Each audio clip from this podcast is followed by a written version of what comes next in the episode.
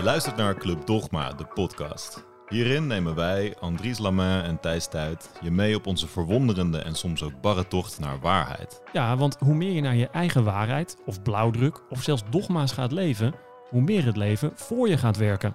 Tenminste, daar gaan we dan maar even vanuit. Dus welkom bij ons onderzoek naar het machtigste mysterie dat er is: het leven zelf. Welkom bij Club Dogma.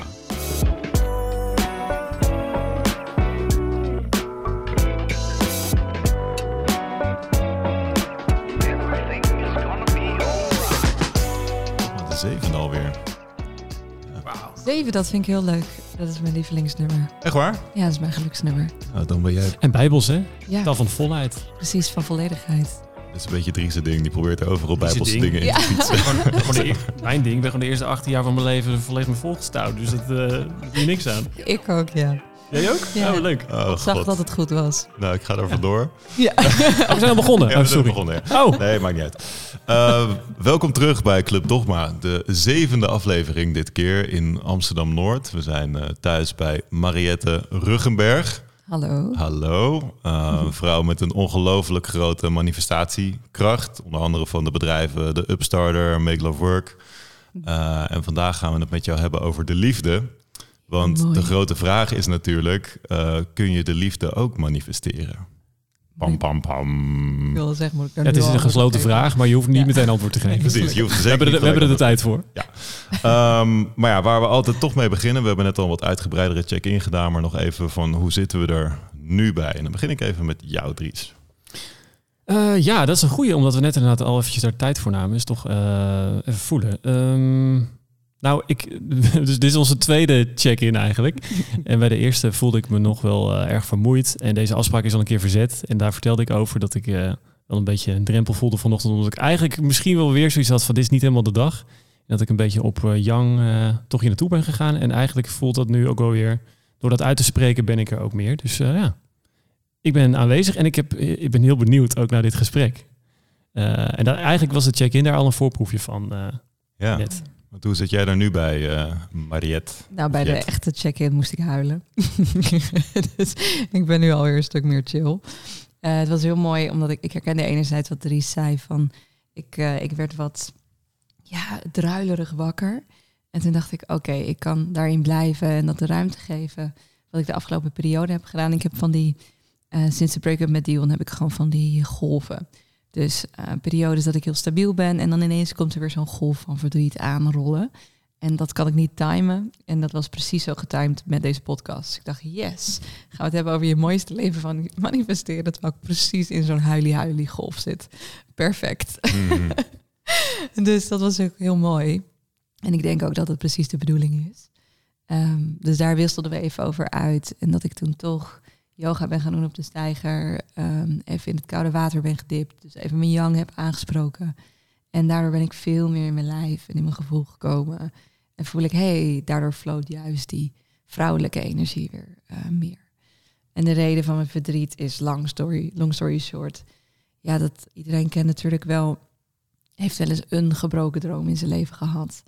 En eh, dit is voor mij af en toe rouw om die gebroken droom van eh, een gezin kunnen stichten met een man waar ik heel erg gek op ben. Ja, en dat verdriet, dat komt gewoon af en toe zo bam. En dan trekt hij weer weg. Dus het was heel bijzonder om een podcastgesprek te beginnen met een check-in. Ja, En dan, eh, ja, op zo'n gevoelslaag al te starten. Dus ik ben benieuwd wat de rest van het gesprek gaat brengen. Ja je Dus, zegt eh, net de, ja. de, de- dat die timing van de podcast, eh, eigenlijk is het perfect. Maar Ja. voelt het ook echt zo? Of heb je dan ergens ook zoiets van, ah, waarom was het niet net Nou, ik een geloof, eerder of later? ik geloof altijd dat het zo is. Ehm, dus ik kan dan wel denken van, als mens voel ik dan... eh, nou, ik had het wel het lekkerst gevonden als ik weer even high on top of the mountain was. En kon vertellen hoe goed ik al mijn dingetjes heb gemanifesteerd. Maar dat is ook niet hoe ik manifesteren zie. Dus ik vind het juist wel mooi dat ik even weer op mijn kwetsbaarste moment juist mag gaan hebben over manifesteren. Omdat ik dat ook een thema vind waarbij mensen doen alsof alles maakbaar is. En ik geloof dat niet.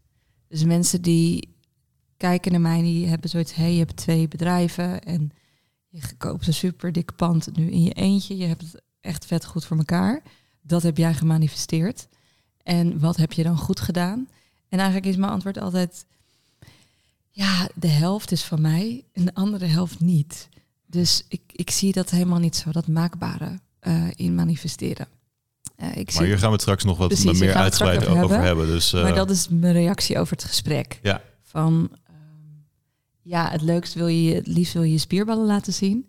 Maar daar gaat manifesteren niet over. Dus dan beter maar mijn huilie huilie ja. vibe. Mm, nou, huilie huilie jet is ook heel welkom. Ja, ja dus, zeker. Uh, die is nu ook alweer weg. Niet ook alweer weg. Nou, misschien ja. uh, komt hij nog voorbij vandaag. ja, ik hoop het voor jullie. Ja. Hoe zit jij erbij? Ja. Ja, hoe ik erbij zit. Ik, uh, ik heb heel veel gehad aan onze check-in net. Ik voel me nu echt geland. Ik voel me heel erg verbonden met jullie. Ik vind het fijn dat jij net je kwetsbaarheid kon laten zien. Ik vond het fijn dat jij, Dries, ook uh, kon vertellen waar je vandaan komt, hoe je geslapen hebt en zo vandaag. Dus, uh, nou, niet. Ja. Nou ja, niet dus. Maar goed, dus ik, ik voel me best wel kalm eigenlijk. Ik vind het heel leuk om hier zo aan het hoofd van de tafel met jullie twee om me heen te zitten. Where do we go from here? Ja, gaan we eigenlijk door naar uh, onze vaste rubriek namelijk. we heten niet voor niks de Club Dogma podcast. Dus uh, we zijn ook heel benieuwd naar jouw dogma's, Jet. Ja, heel leuk. Ik denk dat mijn grootste dogma is om uh, alles in liefde te ontvangen.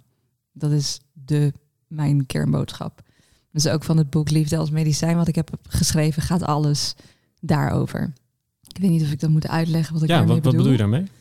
Um, nou, alles in liefde ontvangen betekent dat eigenlijk ook mijn houding ten aanzien van dit podcastgesprek, dat ik dan, uh, ik als mens heb dan zoiets van, me, ik weet niet of mij dit nu precies goed uitkomt, maar er is een soort van spiritual being of een andere kant in mij. Je kunt het je hogere zelf noemen, je hebt een miljoen kanten ervoor. Ik noem het soort van je mens en je ziel of je spirit. Uh, en die kan alles in liefde ontvangen. Dus die heeft zoiets van, ik snap dat je je zo voelt, zo mag je je voelen, maar het is precies goed zoals het is. Uh, dus mijn grootste missie is om wat er ook in je leven gebeurt, om dat in liefde te kunnen ontvangen. Uh, zodat je altijd in die, in die zachtheid en in die vrede en in die openheid in het leven kan zitten. En wat, wat moet je daarvoor doen? Hoe, hoe, ja. hoe lukt dat? Of is, is het een voornemen of is het echt, uh, ja... Ja, voor mij is het echt een voornemen. Uh, en, en wat je daarvoor hebt te doen is alles voelen wat, wat er gevoeld wil worden. Dus net als bijvoorbeeld, we hebben het eerder dan aangeschreven dat mijn relatie is verbroken. Nou, na vijf jaar met plannen voor samen aan een centrum bouwen en samen een gezin, is het lastig om dat in liefde te ontvangen. Zeker wanneer vanuit mijn perspectief ik denk van, hmm, het voelt niet per se alsof dit de bedoeling was. En dat was in mijn andere relatie anders. Dat was echt de bedoeling dat we uit elkaar gingen. En nu voelde ik als mens, hè, maar dit was helemaal niet de bedoeling. Dit was toch niet wat liefde wilde. En om dat dan toch in liefde te kunnen ontvangen, um, dat betekent dus dat ik heel eerlijk heb te zijn naar alles wat ik erover voel. Dus ook mijn woede, ook uh, allerlei nare gevoelens als misschien je in de steek gelaten voelen of um, ja, um, dat ja, je kunt denk ik wel invoelen wat je er allemaal nog meer bij voelt. Maar frustratie, woede, verdriet, mhm. dat dat er mag zijn. Dan ontvang je het in liefde. En dan kom je uiteindelijk wel weer bij liefde uit. En dat is mijn dogma. Mhm. Dan, ik geloof dat je dan echt vrij bent in, ieder, in iedere situatie. En dat je je dan ook weer kan openen voor waar de liefde naartoe wil stromen. Want anders blokkeer je de levensstroom. Ja. Ja. Nou, wel mooi. Maar je wordt dus ook in deze fase van je leven behoorlijk getest op jouw dogma. ik word fucking mijn hele leven getest op dit dogma. Ja, het is ook wel een, uh, het is wel een uh, tough cookie to, uh, to crumble. Hoe zeg je dat? Tough cookie to eat? Ja, of, ja is een tough one. Dan kijk ik toch met, met de schijn naar die brownies die voor ons staan, die ja, voor ons gebakken hebben. Die moeten we zo nog even crumbelen. Ja, die moeten we nog even crumbelen. Um, even kort, Jet, want hoe, hoe kennen we elkaar? Um, we kennen elkaar van een jaar of zeven, acht geleden volgens mij. Toen Um, was ik een fase dat ik wakker werd. Dat ik dacht van, hey, what the fuck is er going on in deze wereld? Waarom gebeuren er dingen die ik niet kan verklaren. Ik weet dat Trump net president was geworden. En uh, er waren allemaal gewoon. Maar het was bijvoorbeeld. Het was, bijvoorbeeld, het was gewoon een, een soort aaneenschakeling van, van wat de fucks gewoon de hele tijd. En dat zei ik toen tegen Jos, uh, die ook hier deze podcast heeft gezeten, jouw ex. Ja. En, uh, en dus ik, ik zou heel verhaal afsteken tegen hem. En hij begint me zo uit te lachen, zoals Jos dat dan kan. op een hele, hele liefdevolle manier. Ah, je bent gewoon uh, wakker aan het worden, man. en dus ik, ja, ja, nou, misschien is dat wel waar. En toen zei hij, ja, je moet eens met Jet gaan praten. Ik zei, oké, okay, Jet, oké, okay, let's, uh, let's do it. En toen ben ik een paar coaching sessies bij jou gaan doen. Mm -hmm. Maar eigenlijk drie of zo. Maar eigenlijk in die eerste sessie weet ik nog heel goed dat jij eigenlijk uh, mij het gevoel gaf van... hé, hey, ik ben niet gek, die wereld is een beetje gek. En daar ben ik je nog steeds dankbaar voor, want hij heeft me echt super geholpen. um, nou ja, toen hebben we dus voor mij twee of drie sessies gedaan. En toen uh, zei jij op een gegeven moment al vrij snel van... ja, we kunnen wel doorgaan met sessies, maar we kunnen ook gewoon een keer een wijntje gaan drinken. ja, klopt. Is, is dat iets wat je bij al je coachie, coaches doet? Of, uh... nee. wat krijgen we nou? Wat krijgen we nou, ja. Ja, daar brak ik mijn eigen code. Ja, nee, ik vond uh, Thijs gewoon een hele mooie vent. Dus ik had zoiets van... Uh, met sommige cliënten heb ik, en dat gebeurt niet vaak, maar heb ik zoiets van... Hm, daar zit misschien wel een vriendschap in. En omdat je al connected was met Jos, voelde ik me zo vrij om, uh, om een wijntje met je te gaan drinken. Hebben we ook een keer gedaan toen. Ja, ja. hebben we ook gedaan. Ja, Dat was heel chill. Ja, dat was heel chill. Ja, Ja, en sindsdien vrienden dus. Ja. Maar ik heb wel, uh, je hebt wel een nieuwe coach moeten zoeken. ja klopt. Ja. ja, en ook Mag- weer. Mag ik nog even weten, wat was jouw eerste indruk van Thijs? Mijn eerste indruk. Ja, nu staat er een keer een microfoon bij, ben ik wel benieuwd. Oh, wat geinig. Omdat, Nou, omdat, ja. omdat het over zo'n kantelpunt gaat. Dat hij zegt Ja. dat hij net, net eh, ja, voor andere dingen open begon te staan, wakker werd, andere blik kreeg. Hoe? Ja, ik vond het gewoon een hele grappige mix van een soort van viking-achtige verschijning.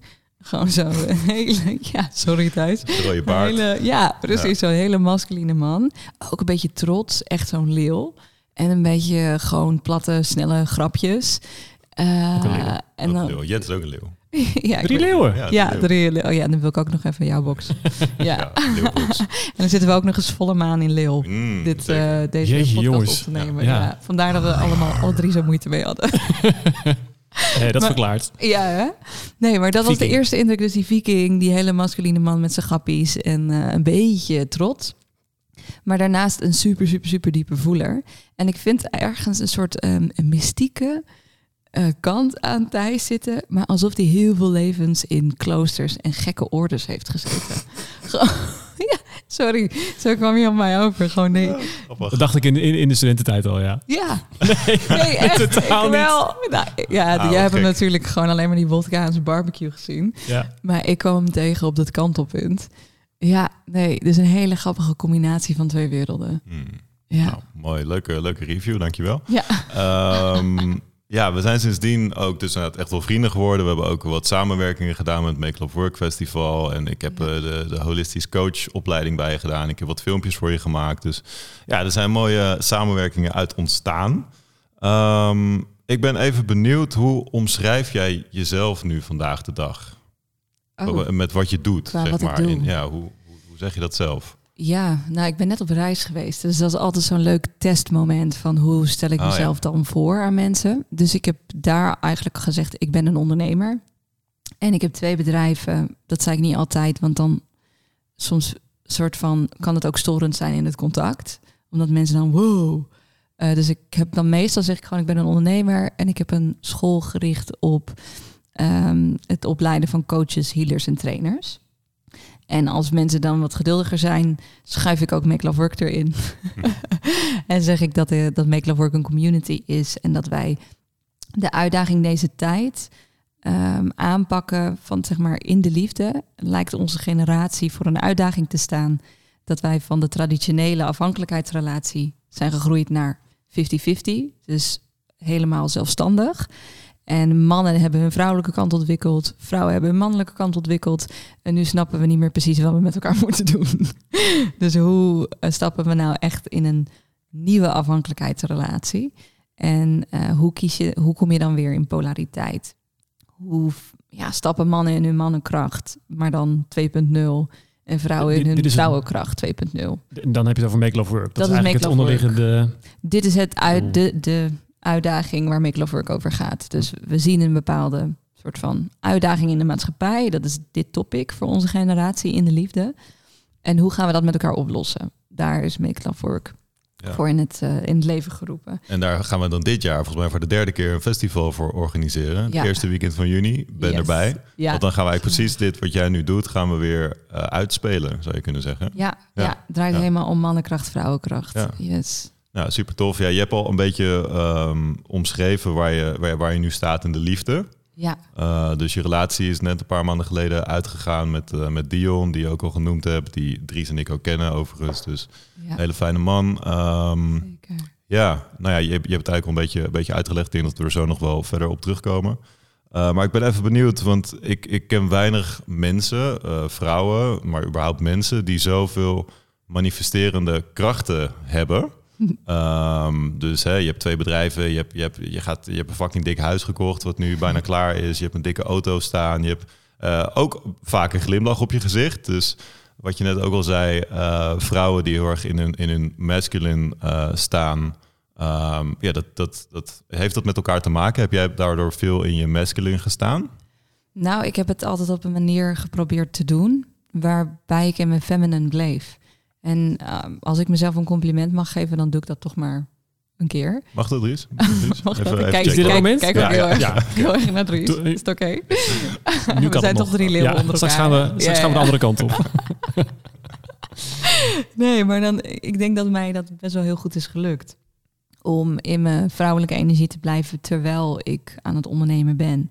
En uh, ik merk wel dat uh, er fases zijn geweest. Dus dat um, als je aan een nieuw project start, ik heb dat, misschien kennen meer mensen dat, ik ben dan mega enthousiast en dan wil ik soort van de beste van de klas worden.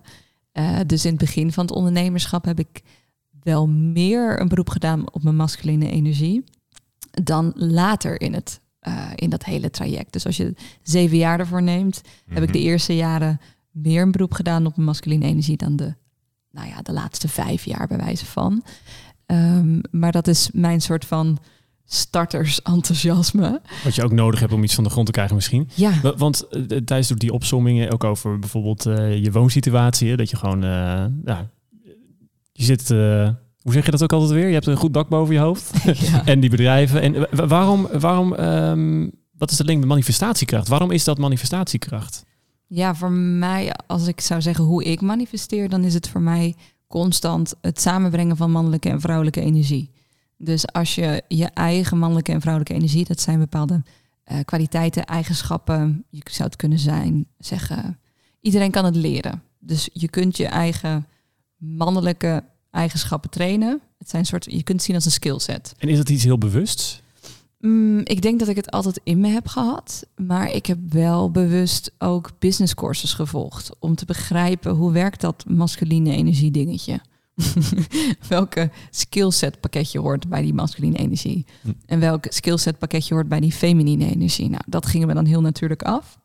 Maar dat masculine, dat moest ik echt leren begrijpen. En um, uit het mannelijke en vrouwelijke, als die samenkomen, daar kan een kind uit worden geboren. Dus daar wordt, het is een creatiekracht. Hm. Dus als je dat in jezelf cultiveert, dan kun je dus heel veel creëren. En dat is hoe ik het zelf altijd heb gedaan. En dan heb ik ook altijd gevraagd, uh, altijd even naar boven gekeken en gezegd, nou, ik heb dus een, een lijstje. Dit zijn mijn wensen. Kunnen jullie uh, meehelpen? En wie, dus, wat bedoel je dan met jullie? Jullie, uh, dat noem ik de vrienden van backstage. Het gaat niet over Amsterdam Live, toch? Nee. nee. nee. nee. er zijn ook mensen die misschien denken, ja, ik, ik herken dit wel. Ik heb ook, uh, ben ook ondernemer en ik, ik, ik, ik heb gewoon hard gewerkt, weet je wel? Wat, wat is het verschil? Ja, ik weet niet of, of uh, jij dan iets, iets minder goed doet dan ik. Dus wat is het verschil? Uh, het verschil is denk ik geluk. Ja, dus uh, enerzijds, is het, enerzijds ligt het in, in, het in het slijpen van de diamant. Dus het gewoon zorgen dat je uren steekt en echt ergens goed in wordt. En dat je goede coaches vraagt, en goede cursussen volgt. Dat is het stukje waar je wat aan kan doen. En aan de andere kant is het geluk. Dus um, ja, een huis kopen in de juiste tijd. Hier in deze buurt, mijn buren die varieert van vijf ton tot een miljoen overwaarde. ja, die hebben dat best wel in een goede tijd gekocht. Ik precies niet. Ja. Hm. Ja, en veel van mijn buren zijn ondernemers. Een, een van mijn buren die heeft zijn bedrijf ooit moeten verkopen omdat hij in een burn-out zat. Was vijf ton, ehm, ja, in de min stond hij. En vervolgens, nou, met zijn huis eh, heeft hij dat weer geplust. Ja. Dus ja, Maar je zegt geluk, maar eh, hoe eh, helpen dan eventueel je vrienden van backstage zeg maar, daar dan bij? Want die weten misschien wel meer dan jij als jouw, jouw menselijke persoontje, zeg maar. nou, dat voelt voor mij dus als een hele grote geluksfactor. Ja, dus ehm, het, het voelt ook altijd wel van... Ik ben gelovig opgevoed en heb toen ik acht of negen jaar was... een hele bijzondere spirituele ervaring gehad. eh, waardoor ik vanaf toen overtuigd was, er is meer. En wat dat, of dat nou precies is wat mijn ouders zeggen, het voelde anders.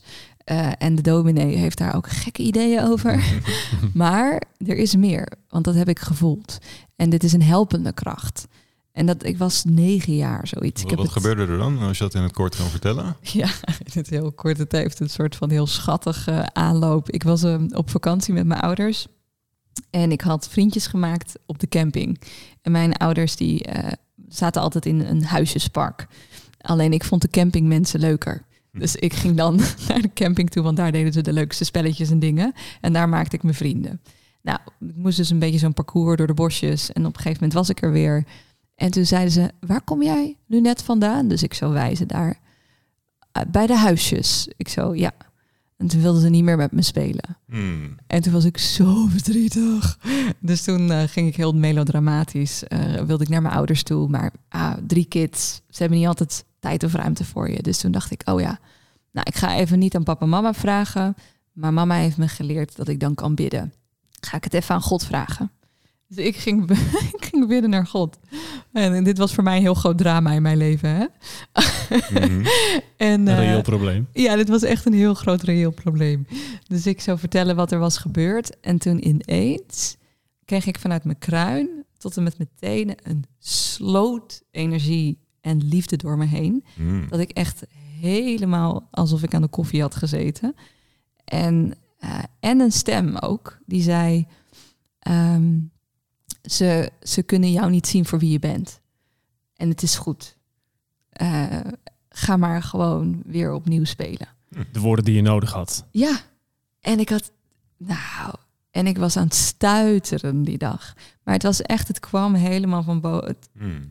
Het, ja, jullie, er zijn, er zullen genoeg mensen zijn die wel eens ecstasy hebben gebruikt, maar het leek echt heel erg daarop. en dat was voor mij als kind een heel rare ervaring. Dat je Ja. bidt, had ik nog nooit gehad ook hoor. Hmm. Want ik bidde elke avond. Want- Hmm. Her- Herken jij eh, iets soortgelijks, Dries? Want jij, jij zal misschien Wij gingen wel- altijd kamperen. Dus wij, wij zaten op die, eh, Ik was op zoek naar vriendjes zoals Ja. jij. Ja. rond de tafel, hè, tafeltennis. Ehm, nee, ik, wa- ehm, ik, ik herken, wat ik herken is dat, eh, wat er dan bij komt misschien voor mij, is dat geloof aan de ene kant soms een, een, een, een, last is geweest. En eigenlijk juist heel erg in de weg heeft gezeten van, het, van, van zien hoe het is, of hoe, ik- de wereld ervaar. Maar dat het ook van jongs af aan een soort bedding heeft gegeven van het besef dat er, dat er meer is. En dat is niet alleen doordat, er, doordat me verteld werd dat er zoiets bestaat als een God. Want dat heb ik ook altijd ervaren. En ik denk eh, dat het niet zo zit alleen maar in dit soort ervaringen of dit soort momenten. Hè, maar bijvoorbeeld ook in, eh, nou ja, tegenwoordig, eh, jij zingt wel eens mantra's, toch? Hmm. Eh, voor mij is dat gewoon één op één eigenlijk wat er in, wat er in sommige kerkdiensten of worshipmuziek gebeurt. Dus dat Mm. gevoel, dat herken ik Ja. heel erg. En eh, da- daarom voelt het voor mij ook alsof het allemaal een beetje dezelfde, dezelfde bron is ergens of zo. En, Ja. eh, Ja. Dus die, dat gevoel wat je dan kan krijgen, dat opgetild worden, Ja. eh, dat, dat, het, ja, dat, dat iets jou draagt, dat, dat ken ik wel, ja. Ja. Ja. ja, dat is mooi. En dat er gewoon even keer tien. Want dat gevoel van zingen in de kerk, dat kende ik ook. En bidden voor het slapen gaan. En die veilige roes die ik dan altijd over me heen kreeg, dat, dat kende ik ook. Maar toen was het gewoon echt alsof iemand even een pil erin had gegooid. en, een stroomschok. ja, echt, ik kreeg een soort stroomschok. En dat was voor mij, daar is een, een overtuiging in geprint van er is altijd hulp. Ehm, hulp die jij misschien niet kan begrijpen of misschien niet kan zien. Mhm. En ik geloof dat manifesteren heel erg, nou dat geloof ik niet, dat is wel echt iets wat ik heb ervaren. Dat het extreem veel met je eigen overtuigingen te maken heeft. Dus ik heb bijvoorbeeld hele gezonde overtuigingen over geld. En dat is echt, dat heeft ook jaren gekost om daar te komen. Uh, maar dat heeft ook heel erg, dat, daar heb ik de grootste switch gezien. Toen ik een soort switch zette in uh, mijn geldmindset. Uh, en in wat ik mezelf gunde. Toen is mijn bedrijf echt gaan vliegen. Dus het zijn overtuigingen, het zijn skills. Ja, en ik blijf dus ook zeggen, een, een element van geluk. Ja, nou daar wil ik het nog wel eens een keer met je over hebben, over die money mindset. Daar heb ik bij mij nog wel wat eer te behalen volgens mij. Maar waar ik op dit moment vooral benieuwd naar ben, is dat je zegt, uh, een paar mooie dingen uh, uh, opgestart of vormgegeven, gecreëerd. Ja. Vanuit die, die balans tussen masculine en feminine energy met een beetje hulp van boven, van de vrienden van Backstage. Hoe werkt dat dan in de liefde? Ja, nou ja, hetzelfde, hetzelfde geluksfactor speelt daarmee. Ik geloof dat het in de liefde. Ik heb altijd hele leuke mannen aangetrokken. Dus ook al uh, zat ik hier zo huilend van mijn relatie is weer voorbij, um, heb ik hele mooie relaties gehad. En ik zou ze allemaal weer overdoen. Hm. Dus wat dat betreft trek ik ook aan wat, wat heel mooi en heel dienend is. En dan heb je ook een element van geluk. Sommige dingen die wil je leven geven, maar sterven toch. En dat is ook met businessprojecten zo. Dus sommige dingen. Is hoe... dat zo te vergelijken? Is het in één adem te noemen? Um, ik weet niet of je de liefde en business echt met elkaar kan vergelijken, maar in heel abstracte zin gaat het wel over die twee uh, krachten die werkzaam zijn. Dus op het moment dat jij weet wat je jezelf gunt uh, en je gelooft dat je dat mag ontvangen, dan is dat echt wat je aantrekt. Dus ik heb altijd hele mooie mannen aangetrokken. Maar er zijn natuurlijk ook onbewuste programma's die spelen, die ook dingen aantrekken. En ik heb ook, uh, ja, mijn grootste angst is altijd geweest 35 jaar zijn, single en geen kinderen. Dat is mijn allergrootste angst geweest. Die heb ik dus ook gemanifesteerd. Hmm. Um, door blijkbaar mannen aan te trekken die wel in de allermooiste liefdesrelatie met mij willen zitten. Maar wanneer het aankomt tot die stap naar kinderen, ook al vond ik ze geschikte vadertypes, in ieder geval de laatste persoon vond ik dat heel erg. Dion vind ik echt, denk ik dat hij een topvader zou kunnen zijn. Dan alsnog, um, ja, kan het daar dan op stuk lopen. Dus ik denk ook ergens dat ik mijn angst heb gemanifesteerd voor waar ik nu hmm. ben. Ik leef nu mijn grootste nachtmerrie. Dus je manifesteert je grootste dromen ja. en je manifesteert je grootste op. nachtmerries. Wat, en, en, wist je al, van wanneer was dat je grootste angst? Want je zegt het heel, uh, het, is, het is heel specifiek. Dat, dat die leeftijd erbij en... Nou, al wel um, langere tijd. Ik heb altijd een hele bijzondere connectie gehad met een tante, um, dus de zus van mijn moeder, die kindvrij is gebleven. En dat was niet direct haar keuze. Het is wel bijzonder om dit te vertellen.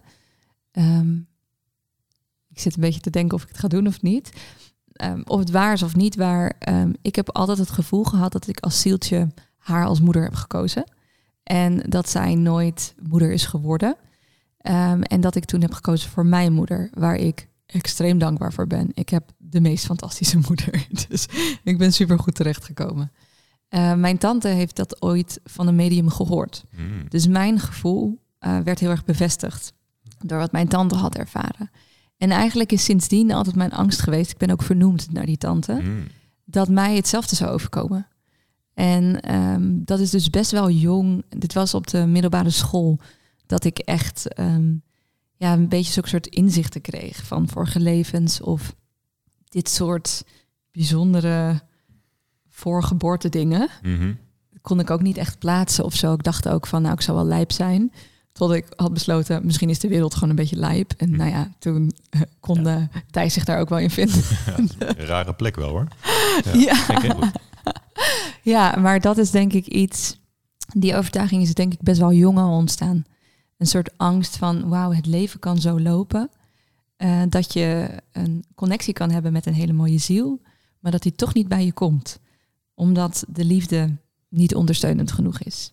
En, en was het ook rond die tijd dat je wist dat je het is, je- het is je angst. Was er dan ook meteen al het verlangen dus wel om een gezin eh, te Dat heb, hebben ik, later? Of hoe, hoe Ja. werkt dat dan? dat heb ik mijn hele leven wel gehad. Dus in die poëziealbums als klein meisje, weet je wel, dat je dan zo Wat wil je worden? iets, ja, iets schrijft naar een vriendinnetje toe. Zei ik altijd, ik wil kinderverzorgster worden en moeder van zes kinderen. Oh, wauw. Nou, daar ben ik op teruggekomen hoor. Twee lijkt me prima. maar, eh, maar dat is dan gewoon een kleine meisjeswens. En die, die, die meisjeswens, die heb ik gewoon mijn hele leven al gehad. Maar ik wilde in de eerste instantie wilde ik ehm, vrij zijn om de partner van mijn dromen te kiezen. Dus ik wilde niet in een relatie vastzitten waarin ik niet, ja, waar ik, waar ik afhankelijk was. Zodat ik in een relatie zou blijven waar de liefde niet meer zou stromen. Dus ik was eerst gefocust op ik wil onafhankelijk zijn. Hm. En ik was 19 toen ik voor het eerst mijn grote mensenbaan had. Dus toen was ik docent. En eh, in de vakken filosofie en levensbeschouwing. En eh, toen merkte ik al snel, ik pas niet in het systeem. Dus fuck, dan moet ik iets anders bedenken buiten het systeem om. En toen is mijn ambitie al ontstaan voor ondernemerschap. Maar ik moest eerst meters maken. Ik moest eerst leren hoe ik les ging geven voordat ik mijn eigen school kon maken. En toen was ik 26 toen ik mijn eigen school maakte. Dus ik wilde altijd moeder zijn, maar wel vanuit de vrije plek.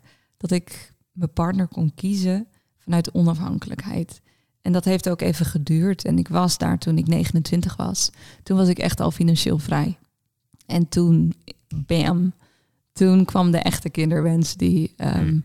iets meer was dan de kleine meisjesdroom.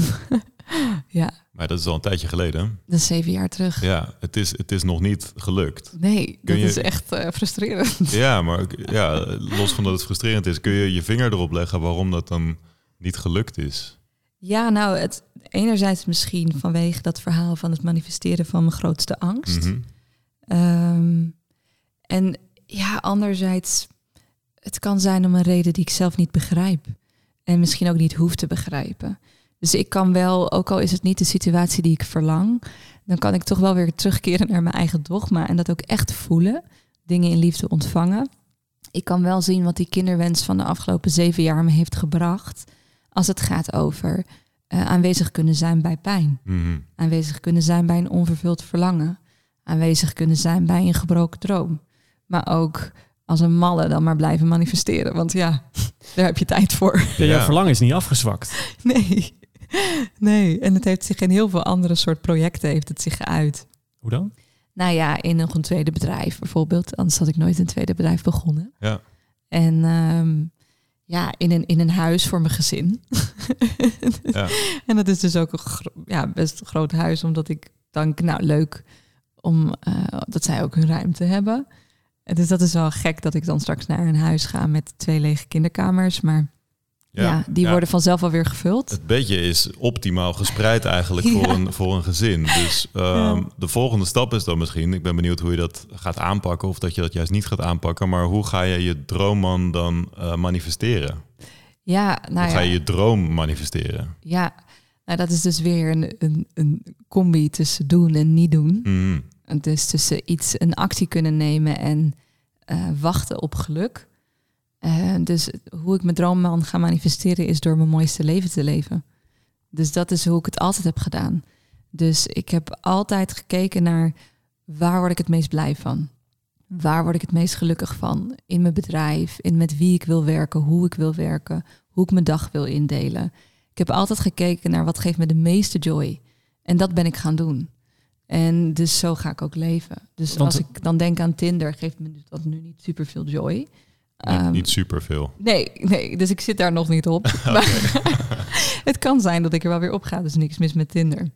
Maar ik ben nu meer gewoon zo van, ik leef mijn mooiste leven en dan kom ik hem misschien ergens Maar zo, zo heb je het eigenlijk altijd gedaan, zei je. Ja, En maar het heeft niet, ik wil je niet plagen, maar het heeft niet gewerkt.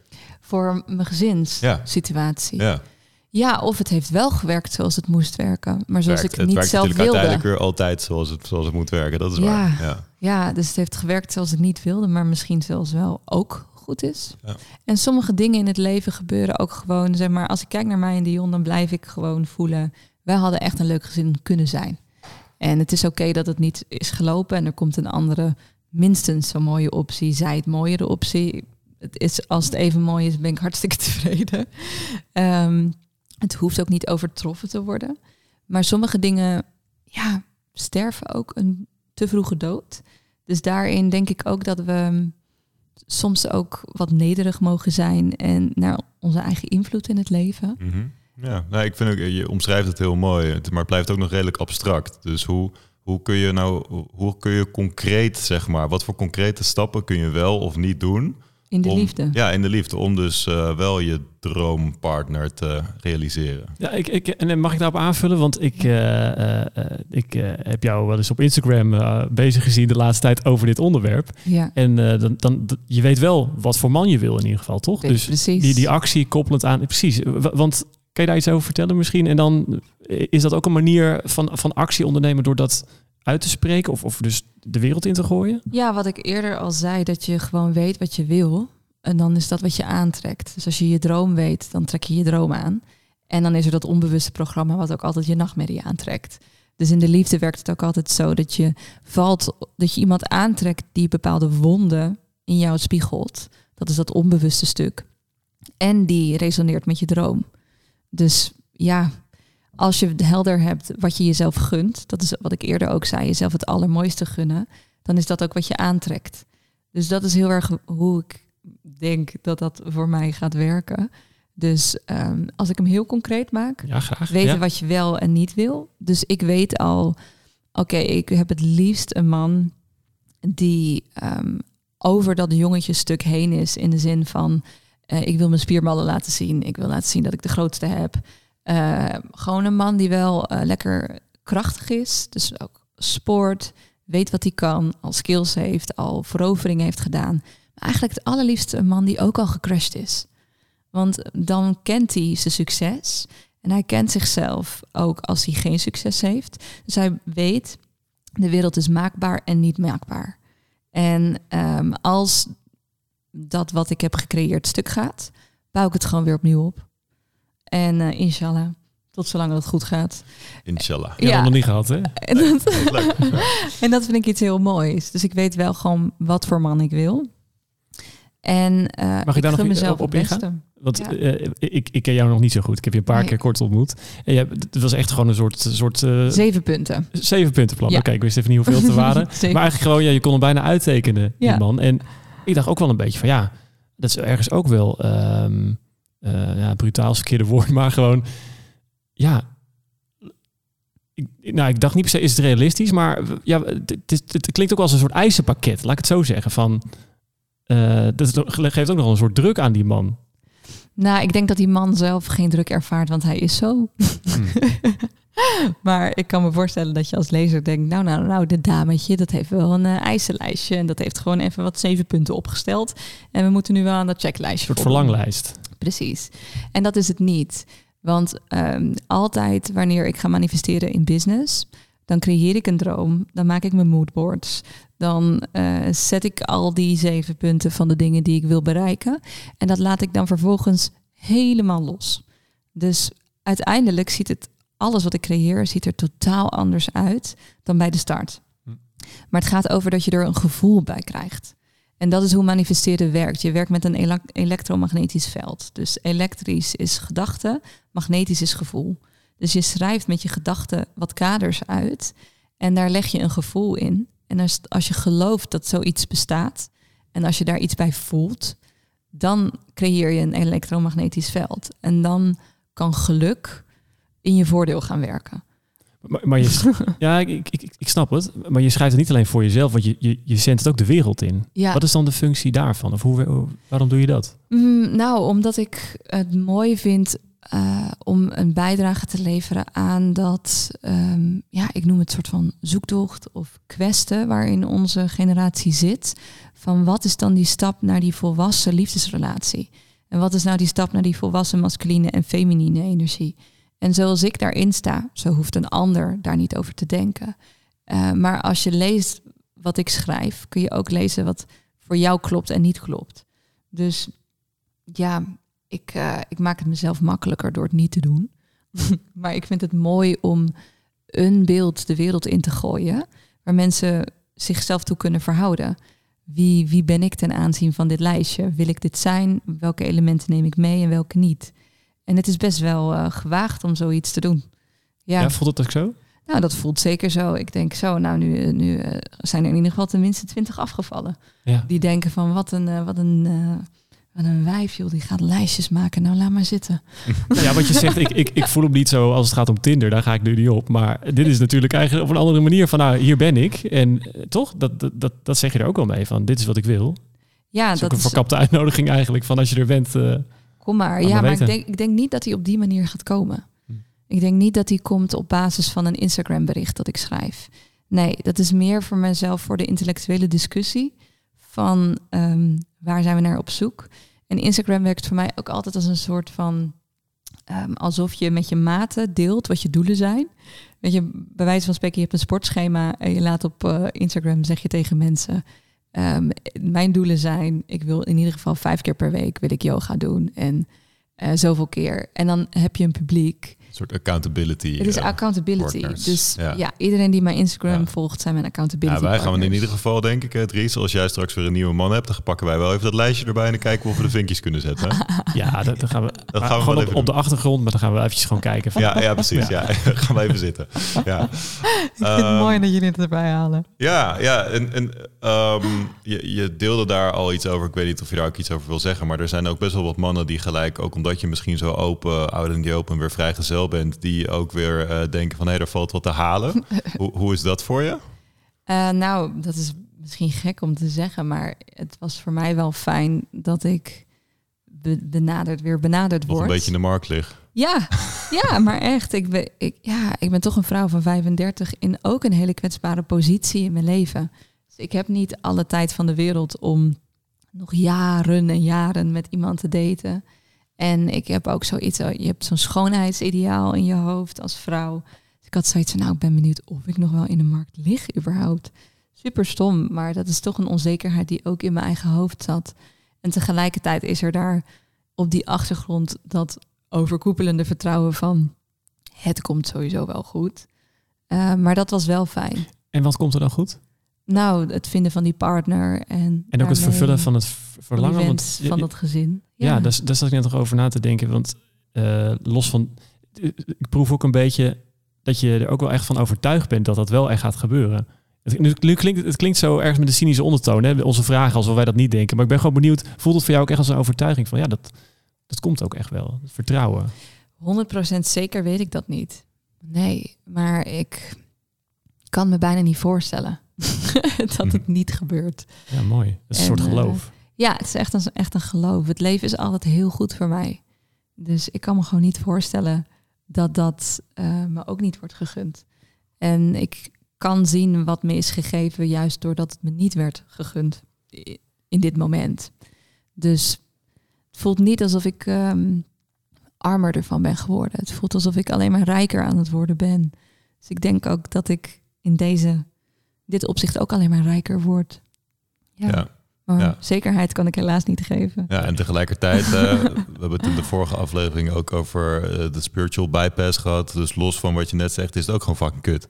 Oh, het is zo kut, joh. Het is fucking kut. Ja, ja, het is verschrikkelijk. Ja, we hebben het net gezien ook voor dit gesprek, het verdriet wat, er, wat erbij komt. Ja. Um, ja, je had ook, eh, we hebben het al veel over je Instagram. Dus ik denk dat veel mensen ook denken van... hé, hey, uh, leuk, uh, die moet ik volgen. Ja, waar moeten we naartoe? Waar moeten we naartoe? Dat gaan we op het einde nog wel even, even delen. Maar um, je had laatst ook een post van... leg ik de lat in de liefde te hoog of te laag? Ja. Wat, wat kun je daarover zeggen? Ja. Hoe is dat bij jou? Nou, ik denk dat mijn lat heel gezond ligt. Hm. ja. Dus ja, wat ik in die post beschreef is... enerzijds dat in romantisch aspect het vaak um, bij vrouwen of onze generatie te hoog heeft gelegen. In de zin van wat voor bijzondere eigenschappen of vurige romances we allemaal verwachten. Nou, ben ik best wel een gepassioneerde vrouw, dus ik denk niet dat mijn liefdesleven zonder passie zal zijn en zonder romantiek, want daarvoor hang ik gewoon te graag alle slingers op. maar um, wat ik heel erg heb ervaren in mijn relaties is dat ik het allermooiste vind dat je elkaar lief hebt in je gebrokenheid, in je mens zijn, in het feit dat je scheten gewoon stinken. Uh, dat alles wat niet romantisch is, in de diepte van die verbinding, dat vind ik juist het mooiste van een relatie. Die, die veilige haven die het dan is. Dus wat dat betreft heb ik niet een super hoge lat. Uh, ik kan me gewoon niet voorstellen dat met wie ik ben, mijn relatie um, ja, koud en een beetje kleurloos zal zijn. Hmm. dat, dus er zal altijd romantiek zijn. Maar de basis, als het dan gaat over wat is dan een gezonde relatie. Uh, ik denk dat ik die lat te laag heb gelegd. In de zin dat ik te, altijd heb gekeken dat ik op mezelf kon bouwen. Ik heb nooit gekeken of ik op de man kon bouwen. Die afhankelijkheid waar je het over had. Ja, ik wilde altijd onafhankelijk zijn. Zodat ik vanuit liefde een partner kon kiezen en niet vanuit een financiële noodzaak of die noodzaak voor een gezin. En um, heel masculien. Ja, ja, ja. Dus daarin heb ik nu de lat hoger gelegd. Dat ik gewoon meer kijk van, het lijkt me zo lekker als een man mij kan dragen. Mm echt zo chill. En, en wat betekent dat?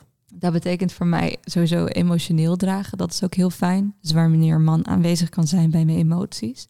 Dat is iets waar Dion echt super, super, super goed in is. Dus dat is echt heel mooi. Dus dat heb ik ook echt zo mogen ervaren.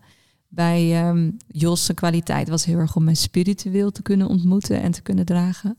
En nu zou ik gewoon iemand willen die me ook financieel helemaal kan dragen. En dat is voor mij de minst hoge prioriteit. Maar wel een man die zoiets heeft van dat gezinsleven, dat is best wel uitdagend. En gaan we wel doen. Dat kunnen wij wel, mm, schatje. we, got, we got this. Ja, wij zijn een team en we gaan het gewoon doen. Ja. En dat lijkt me gewoon heel lekker. En daar heb je een bepaalde um, ja, aardse steadiness voor nodig. Uh, naast dat spirituele en naast dat emotionele. Dus, ja, want die, dat, dat is het totaalpakket, hè? Ja, ja. ja. En ben je dan ook op zoek naar een king? Er zijn heel veel mensen, het is een beetje, beetje, beetje hippe gelijk het wel. Van hè, ja, I'm waiting for my king, I'm waiting for my queen, uh, bla bla bla. Um, nu zeg ik bla bla bla, terwijl ik het best wel mooi vind. Klinkt alsof ik er heel veel oordeel op heb, valt wel mee. Um, even, uh, de, even rectificeer. Je zit me aan te kijken als van waar heb je het over? Maar, um, maar ben je dus ook op zoek naar een king? En voel je jezelf een queen? Oh, ik voel mezelf sowieso een queen. Dat wist ik. Ja. maar dan ben je automatisch op zoek naar een king. Ook dit heb ik wel langs zien komen op Instagram, ja. ja, ah, ja. ja, klopt. Ja, en ja, wat bedoelen... Het wordt nu zoveel gebruikt, dat ja. woord... dat we bijna niet meer weten wat bedoelen we er nou mee. Maar wat ik bedoel met een koning is een man die in zijn hart zit. Dus een man die uh, zijn eigen waarde kent. En die um, dienstbaar is in de zin van... Um, liefde is het hoogste goed wat ik wil dienen. Uh, in plaats van ik wil laten zien die spierballen en dat ik de grootste heb. En dat, dat noem ik een koning. Het heeft heel erg te maken met in je hart zijn en eigenwaarde en dienstbaarheid. Dat vind ik mooi. Ja. Ja, dat wil ik hmm. wel. Ja, dat wil je wel. Ja, ja. ja dat wil je wel. En is een koning, is dat, um, en een, en een, en een koning, koningin, ik blijf altijd een beetje bij de Nederlandse term hoor, want dat oh, vind ik allemaal... Uh, Excuse me. Heb ik, dus, heb ik dus wel een oordeel op, hè? Oh, ja. Soms wel, ja. Eerlijk. so much judgment. maar eigenlijk is dat, uh, ja, queen of king. Is, een king uh, iemand voor één specifiek persoon, de koning? Of is het, zijn dat zeg maar archetypes? Ja, dan ligt aan de persoon die dit woord gebruikt. Voor mij zijn het archetypes. En voor mij is de koning een van de vier archetypes die ik wens. Um, dus daarnaast wens ik de magier, dus dat spirituele aspect. En de warrior, dat is heel erg wat je nodig hebt, ook als je een gezin wil. En de lover, dat is degene voor de romances en de passie. Dus ik wil ze alle vier. Um, en dat zie ik als archetypes, als gewoon kwaliteiten die je in jezelf hebt. Of een skillsetje, hoe je dat ook wil noemen. Ja, en uiteindelijk wil je denk ik het gevoel hebben dat degene die naast je staat, dat dat je koning of je koningin is. Ik denk dat dat dan ook op een gevoelsmatige manier wordt gebruikt. Dat dat gewoon de vrouw of de man is naast je waar je trots op bent. Precies, want dan, dan snap ik hem ook iets beter. Ik denk dat heel veel mensen dat dan zo ervaren in hun relatie. Van, ja, dit is wel mijn, uh, dit is wel mijn prinses, hè? Of dit is mijn, uh, ja. dat is gewoon mijn, mijn meisje of uh, ja. zo. Maar, maar dat wil iedereen wel voelen, lijkt me. Dat is een soort basis. Ja. Eigenlijk een voorwaarde om überhaupt... Ja, dat lijkt me wel de lat. Dat je iemand hebt waarvan je denkt, ja, waar is zij of hij? Ja. Ja. Ik snap hem. Ik, ga, ik, ja, ik, zit, ik zit in de Kings and Queens. Koning en koningin. Koning,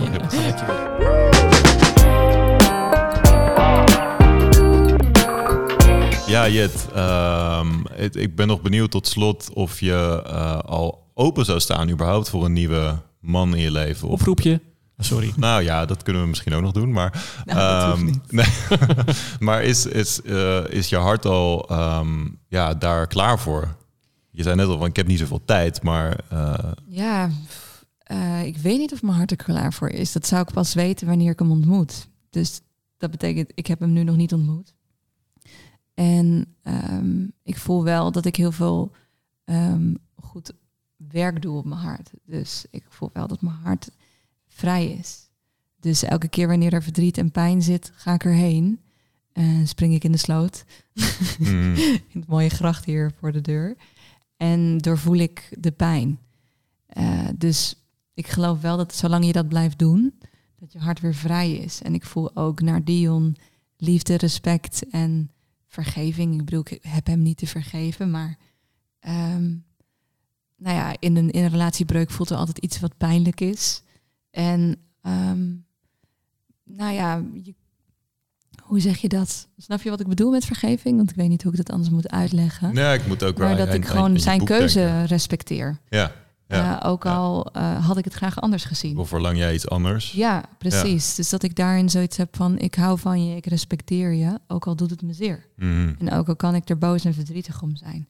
Dus daarin voel ik ook dat eh, waar ik hem hiervoor gewoon nog eh, de sloot in wilde gooien. Mm. Of bij wijze van spreken zijn kleding op straat. voelt dat nu anders. Iets meer hoponopono. Ja, zeker. Ja. Maar ja, dat kan ook zijn dat het over een maand ineens weer oplaait. En dat ik weer opnieuw door al die gevoelens heen heb te gaan. Ja. Dus in die zin voelt mijn hart vrij. Maar dat voelt ten eerste voor mezelf het allermooist. Want ik voel gewoon dat als ik dat niet doe, dat ik dan me niet vol leven voel. Dus ik wil in de eerste instantie voor mezelf, om gewoon me, me liefdevol te voelen, dat werk doen. Ja, en hoe ziet dat eruit? Want je zegt dat komt een beetje in golven. Eh, Ja. he- Heb je daar heb je daar een bepaalde manier voor? Maak je je, je je tijd een beetje vrij? Dat je weet van dit heb ik nu nodig. Misschien die, die, die zachtheid. Of hoe werkt dat? Hoe gaat dat? Ja, nou ja, zo'n golf komt. Dus en op een gegeven moment ben ik wakker en denk ik, oh, dit is zo'n dag. nu heb ik hem te pakken. Dus dan ben ik gewoon verdrietig of boos of druilerig. En dan eh, ben ik zacht voor mezelf. Of wanneer ik dat nodig heb, ga ik dan juist dus even yoga, even het water in, even een lange boswandeling of naar het strand. Dus even afhankelijk van wat ik, of brownies bakken. Deze keer was ik wel heel happy toen ik de brownies heb gebakken. We gaan het zo proeven. Ja. Ja. Dus, dus, dus, niet, dus niet er overheen leven, maar er doorheen. Dat betekent niet dat je alles aan de kant moet zetten, maar Ja. wel... Ja, en dat is dus ook in liefde ontvangen. Dus wanneer ik merk dan, hé, hey, ik kan liefde niet voelen, want ik voel al deze shit en ik vind het een kut situatie. Maar laten we dat dan maar in liefde ontvangen en daar dan mee zijn voor zolang het duurt. En dan, als ik dat gewoon dat ritje uitzit, dan kom ik toch weer bij liefde uit, wat ik dan ook echt wezenlijk voel. Dan zijn we weer helemaal mooi rond bij je dogma. Ja, nou, precies. prachtig. En om nog maar een Engelse term er doorheen te slingeren, the only way out is through. Ja, Toch, Dries? I love it. And you love it. Oké, maar goed mag zo. ik jullie ook niet nog een vraag stellen? Of gaan we... Oeh, we gaan eigenlijk naar de, naar de afronding, Oh, oh. maar... Ja, ehm, Nou, maar ik vind het, als iemand dit, dit zo... Dit, dit, dit is een urge. urge. Ja, Dus ja. ja, ja, ja maar ze maar. kan hele goede vragen stellen, dus eh, berg je maar, Dries. ja, je, mag, maar je mag een vraag stellen. wij doen de edit, mag hè? Wij vraag doen de edit. Ja. Geloven jullie dat je liefde kan manifesteren? Oeh. ehm. Ja, nou, ik heb dat niet meteen. eh, Dan ga ik eventjes. Dat weet ik even niet zo snel. Ehm, want ik, ik moet ook nog echt wel moeite doen, merk ik, om echt te, te begrijpen wat je precies bedoelt. Of hoe dat er eh, in de praktijk uitziet. Ehm, ik, ik, her, ik denk wel, als het gaat over dat je eerst eh, in het begin van je, van je, van je liefdesleven en je eerste relaties, dat, dat, dat, dat je eigenlijk op een heel andere manier verbindt dan dat je dat uiteindelijk, dat ik dat nu doe, vanuit dat ik weet wat ik echt wil. En dat het in het begin gewoon gaat op, op, op de gaten die je allebei dan hebt, of dat je daar, elkaar daarop aantrekt. En ehm, dus dat, doordat ik steeds beter weet wat ik verlang in een relatie, dat was ook eigenlijk eh, na mijn vorige relatie, zeg maar, wist ik heel duidelijk, er, is een, er, zijn een paar voorwaarden die ik nodig heb om te kunnen bouwen in een, in een, in een liefdesrelatie. Ja. Eh, dus ik wist in ieder geval voor mezelf dat ik dat sowieso wilde. Mooi. Dus ik denk dat het dat dan is. Ja, Hè? En, ehm, en dat herken ik dan wel, maar misschien meer achteraf dat ik herken van, oh ja, dat, dat was voor mij wel super belangrijk en essentieel om, om ja, te, kunnen, dat, dat te kunnen groeien in die relatie. ja, dus er was een bewuste reflectie op de relatie, de verbroken relatie. En een bewust weten, oh, dit verlang ik dus wel. Dus dat is dan wat je bewust aantrekt slash manifesteert. En Ja. er was een onbewuste laag van eh, wat je dan eigenlijk ook wenste. En waar je achteraf op terugkeek. Oh, dat heb ik ook erbij gekregen. Precies, ja. Ja. ja. En, in, en, en in het verleden, of toen ik twintig was en in mijn eerste relatie zat, eh, was er natuurlijk chemie en aantrekkingskracht, maar was het allemaal onbewuster waarom, waarom dat matchte. Ja, En Ja, ik, ik sluit me daar eigenlijk wel heel erg bij aan en misschien net iets andere woorden. Dus dat hoe meer ik mezelf ben gaan kennen, hoe meer ik eh, gewoon lager eraf heb gepeld en dichter bij mijn kern ben gekomen. En ook heb gezien van, oh ja, eh, als ik iets bij iemand probeer te halen, dan is dat ook om mijn eigen gaten te vullen. Dat dat niet een, een constructief systeem is. Eh, en dat ik eigenlijk op die manier, dus door mezelf gewoon eigenlijk steeds beter te kennen, dat ik daarmee automatisch eh, ook de partners aantrek die, ik, die, die dus bij mij passen. En die dus niet alleen maar op de verwonding passen, maar ook juist op de gezonde, liefdevolle kanten. Ja. Ja, mooi. En dat het eigenlijk een, een, een vanzelf, ja, dat het eigenlijk vanzelf gaat. Precies. Ja. Dus het is enerzijds een, een bewust aspect van dit is wat ik verlang. En anderzijds een onbewust verlangen. Wat hoe dan ook wordt aangetrokken. Ja. En ik in de liefde, ik ben blijkbaar iemand die veel gelooft. Kom ik in dit eh, podcastgesprek achter. Maar ik geloof dus dat je altijd de partner aantrekt die eh, jou kan helpen de volgende stap te zetten. Dus de partner die ik nu aantrek, eh, dat, ja, die helpt mij weer met wie ik nu ben Mhm. en waar ik nu sta. En ik geloof ook dat je met één partner heel veel stappen kan zetten. Maar in die transformatiefases en in die transitieperiodes kun je elkaar verliezen. En soms ja, is een team dat winnend had kunnen blijven, verliest elkaar daar. En soms is een team wat daar had moeten eindigen, eindigt daar. Ja. Dus ik vind het altijd wel een heel mooi ehm, geloof van je vertrouw er maar op dat je altijd aantrekt wat jou helpt met de volgende stap. En zo ervaar ik dat dus ook in business. Dus dat ik business partners aantrek of dat ik ideeën aantrek. Want dat is ook iets wat je kan aantrekken, ideeën. Dat je in het park zit en ineens denkt, fuck, dat programma ga ik maken. En dan trek je dat ook aan om die volgende stap in je business te kunnen zetten. Maar wat natuurlijk helpt is dat je daar dat je eerdere ervaringen hebt. Want als je dit zo zegt ook over de liefde, als je terugkijkt, dan zie je dat natuurlijk van, oh ja, eh, eh, Altijd die vrouw heeft me daar gebracht en, Ja. en, en, en die daar. En daardoor ben ik ook beter geworden wie ik nu ben. En is dat ook echt mijn essentie? Dus wat jij zei over dat afpellen, hè, van dat je dat, dat lukt ook steeds meer doordat je je schaaft aan de ander natuurlijk. En ook waar dat dan niet meer werkt. Dus dat herken ik heel erg. Ja. Maar daarvoor moet je misschien ook een paar keer eh, ja, op je bek gaan. Of gewoon, dat is iets wat ont ontwikkelt. Ja. Groeipijn. Groeipijn. Ja, groeipijnen. En sommige mensen doen deze hele reis met één partner. En ja, ik heb vijf hele grote liefdes in mijn leven mogen hebben waarmee ik die reizen heb gemaakt. Nou ja, ook mooi. Ik, eh, Ja. ik denk dat als ik op mijn sterfbed lig, dat ik niet denk, ah fuck, het waren er vijf. nee, dan denk ik, ja, dat was wel echt, eh Ja, het waren wel vijf hele mooie reizen. nou fijn. Ja, Ja, ik wens je heel veel succes in je reis in de liefde. Ja, dankjewel. Ja, let's make love work. nou, nou, Ehm, Wauw, reclame ja. op een hele... op een hele- manier. Ja, dankjewel, dankjewel. Ehm, hebben we nou een jingle, Dries, voor de tips? eh, tips oh, de van tips Ties- komen nog. Tips Oh. van Ties en advies van Dries. Nou nee, het is gewoon eh, tips van Ties, advies van Dries. Wauw. Wauw, Goed hè? die kwam er echt heel mooi Die uit. kwam er heel goed uit. Dat ik is denk dat we deze even gaan samplen en dan voor de ja, volgende keer... eh, volgende weer. Ja, ik ga er ook Hij moet nog een keer echt ingezongen worden door, eh, door, door een professional. Want dat is altijd onze rubriek, dat we ook wel graag nog iets mee willen geven. Van hele kleine dingetjes tot hele grote levensveranderende adviezen. Dries, eh je bent... Ik ben op tot- de vingers getikt. Ja, nou ja, je komt steeds met boektips. Dus ik heb je nu wel uitgedaagd om... eh, Dat is anders dan een boek. ja, Nou, eh, het is heel simpel. Want ik heb een beetje de kunst afgekeken bij jou. Je houdt het ook namelijk heel simpel. Geen telefoon in de slaapkamer. Eet biologisch. Ik denk, ja, zit ik al die boeken door te worstelen om tot een mooi advies te komen. Gerichte tip, ehm cadeautip zelfs ook. Hè. Dat kan bij die dingen van jou niet. Maar goed, ik ben geïnspireerd. En eh, eigenlijk heel simpel. Ehm, s ochtends eet warm. Ontbijt warm. warm. Ja, Beetje wa- Haag zelf. beetje Haags. Haags bakkie. Warm. Eh, ja, nee, ik, een paar maanden geleden heb ik mijn eh, eh, ontbijtroutine omgegooid. Ik at altijd yoghurt jarenlang. En ehm, toen, toen leerde ik dus dat, dat je daarmee je lijf eigenlijk een soort eerste zware opdracht van de dag geeft. Namelijk die temperatuurwisseling. dus dat eigenlijk je lijf dan twee keer zo hard moet werken om dat eten überhaupt ja, te, te, te verteren. En dan voedt het je dus niet, niet eens zozeer, want dan kost het alleen maar energie. Nou, een simpel, eh, simpel inzicht. En ja, nu gewoon, het maakt eigenlijk niet uit wat je eet als het maar warm is. Oké. Ja, het maakt natuurlijk wel uit wat je eet. Maar ik doe elke ochtend lekker havermoutje. En eh, En moet je dan ook warm drinken? nou, dat vond ik wel interessant. Het, het, het lekkere koude biertje. Ben ik dus ook wel gedenkt, ja, dat is misschien ook wel een aanslag op je lijf ergens. Maar dat, dat, dat weet ik niet. Dus kijk, Ja, maar in de ochtend. Ik denk niet dat je, dat je normaal gesproken begon met een koud biertje de dag. nee, maar goed, eh, ik, ik, ik heb een flexibel leven, dus ik ben nog wel eens op vakantie. Mediterrane landen waar dat heel normaal is. ja, dan is het 11 uur. Ja. Ja, Nee, ontbijt warm. ja ontbijt warm. Oké, nou mooie tip. Tip van Eh, Ties? De tip van Ties is, eh, doe je tv weg.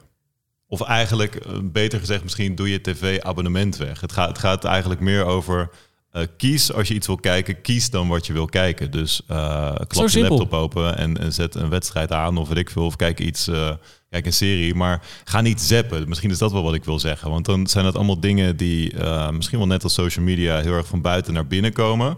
Dus je weet eigenlijk niet wat je te wachten staat. En er wordt gewoon allemaal shit naar je gegooid waar je niet om gevraagd hebt. In plaats van als je iets aanklikt zelf, dan is dat alweer een hele andere beweging.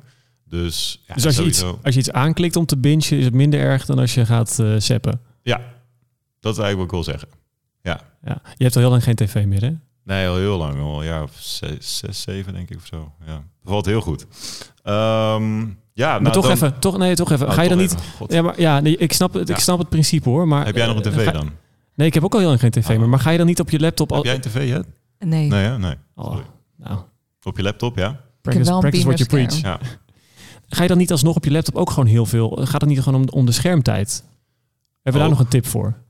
Nou, kijk, ik kom er nu achter. Je hebt nu overal die reels, weet je wel. Je hebt op Instagram, Facebook en YouTube overal die reels.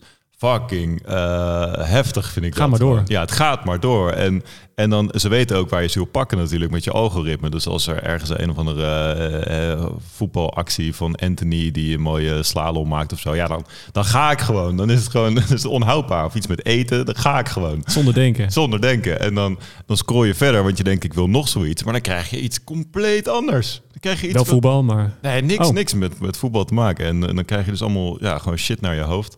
Maar goed, dus eigenlijk ook gewoon minder social media. Het is een beetje een, een brede tip, maar ik denk dat het, punt- het punt wel duidelijk is. Het is duidelijk. Kijk je nog dertigers? 30 wat is dat? Ja, dat is je favoriete serie, hè?